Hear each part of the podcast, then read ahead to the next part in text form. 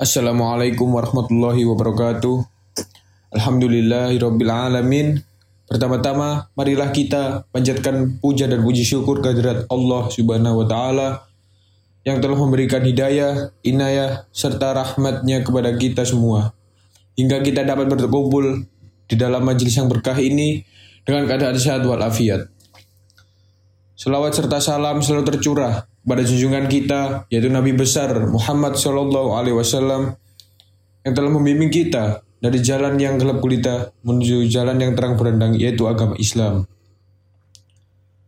Ustadz dan Ustadz dan Ustazah serta teman-temanku sekalian yang saya banggakan masih dapat kita lihat dan tidak bisa dipungkiri remaja seperti kami masih suka meninggalkan sholat entah itu tinggal bermain dengan teman, tidur, maupun bermain media sosial ataupun yang lain.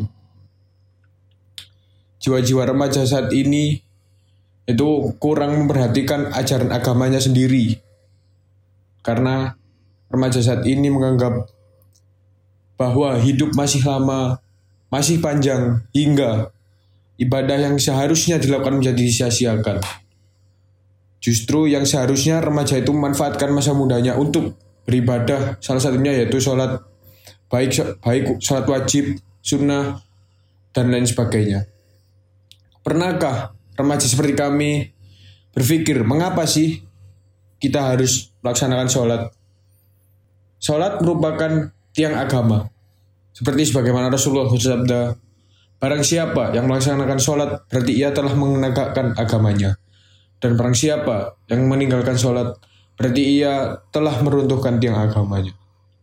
Ibarat rumah, jika tidak ada tiangnya, maka akan roboh dan tidak bisa berdiri tegak.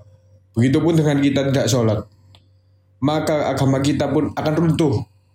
Ini banyak terjadi, banyak dianggap ringan dan tidak ada masalah oleh kaum muslimin, terutama pada kalangan remaja seperti kami. Padahal terutama sholat subuh yang sering terlewat karena ketiduran dan semalam mungkin ditinggal bermain game atau gadget sampai larut malam dan begitunya juga dan lain sebagainya. Padahal dalam setiap sholat subuh yang kita jalankan terdapat banyak keutamaan yang bisa didapatkan. Salah satunya mendapat persaksian dari malaikat subuh. Begitupun dalam sholat wajib yang lain. Allah selalu menawarkan pahala yang banyak pada hamba-hambanya yang beriman. Begitu pula dalam pelaksanaan sholat. Sholat tidak hanya menjadi sekedar kewajiban yang harus kita harus kita jalankan setiap hari dan hanya menjadi formalitas ibadah. Namun tidak hanya itu. Sholat merupakan kebutuhan kita sebagai manusia untuk mendapatkan ridho dari Allah Subhanahu wa taala agar dimasukkan ke dalam surganya serta merupakan bukti seseorang itu beriman.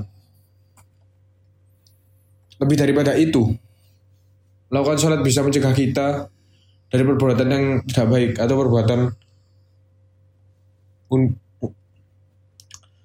perbuatan yang tidak baik atau perbuatan keji dan munkar.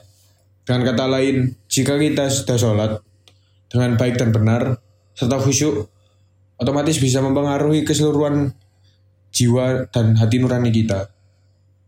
Jiwa kita akan selalu dilindungi dari beragam perbuatan tercela yang dapat merugikan diri sendiri dan orang lain. Sebagaimana yang telah disampaikan oleh Rasulullah SAW dalam hadisnya mengenai keutamaan sholat. Maka sebagai umatnya, melakukan sholat lima waktu ini dengan lapang adalah kewajiban. Selain itu, juga harus dengan penuh kesyukuran, keikhlasan, dan keistiqomahan, sehingga kita dapat terhindar dari golongan orang-orang yang lalai dalam sholat. Untuk teman-temanku, melaksanakan sholat lima waktu adalah suatu kebutuhan dan bukan sebuah kewajiban lagi. Karena kita yang butuh Allah, bukan Allah yang butuh kita. Dan saya mengingatkan sekali lagi agar kita sebagai kaum remaja harus bisa memanfaatkan waktu lebih banyak untuk beribadah dan tidak menyanyiakan waktu dan menunda-nunda segala sesuatu Sekian dari saya. Bila ada kesalahan mo- mohon dimaafkan. Kesalahan datangnya dari kita manusia yang lemah dan kebenaran hanya datang dari Allah Subhanahu wa taala. Terima kasih. Assalamualaikum warahmatullahi wabarakatuh.